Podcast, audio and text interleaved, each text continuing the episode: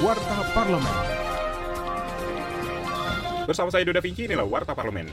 Anggota Komisi 9 DPR RI Elva Hartati menyampaikan keprihatinannya atas penyerangan kelompok kriminal bersenjata terhadap tenaga kesehatan yang bertugas di Papua. Yang mendesak pemerintah memberi perlindungan dan menjamin keamanan para nakes saat bekerja melayani kesehatan masyarakat di Papua. Terkait persiapan pelaksanaan PON 20 di Papua, Wakil Rakyat Daerah Dapil Bengkulu ini mendorong pemerintah menggencarkan vaksinasi COVID-19. Kemenkes menurutnya perlu menjamin ketersediaan stok vaksin dan peralatan tes antigen serta PCR agar kesiapan pelaksanaan PON di masa pandemi dapat optimal. Warta Parlemen. Dalam rapat kerja dan Menteri Pertanian, Wakil Ketua Komisi 4 DPR RI Dedi Mulyadi menyoroti permasalahan petugas penyuluhan lapangan pertanian yang saat ini masih belum mendapatkan perhatian dari pemerintah. Petugas penyuluh lapangan, kalau Kementerian Pertanian tidak mengambil langkah, lama-lama hilang Pak.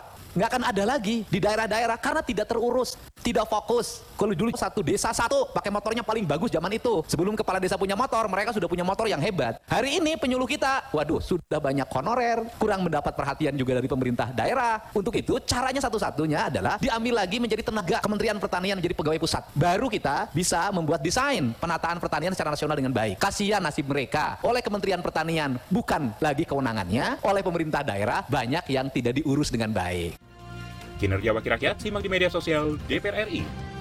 Sekjen DPR RI melalui TV dan Radio Parlemen kembali mengadakan Lomba Orasi Bintang Orator atau LOBO. Lomba kali ini mengajak publik untuk memberikan masukan terhadap rancangan undang-undang tentang sistem olahraga nasional atau RUSKN yang saat ini sedang dibahas di Komisi 10 DPR. Mahasiswa, siswa, dan masyarakat umum dapat memberikan masukan untuk mendukung lahirnya atlet berprestasi dunia sekaligus menjadi peserta LOBO dengan mendaftarkan diri melalui email bintangorator@dpr.go.id.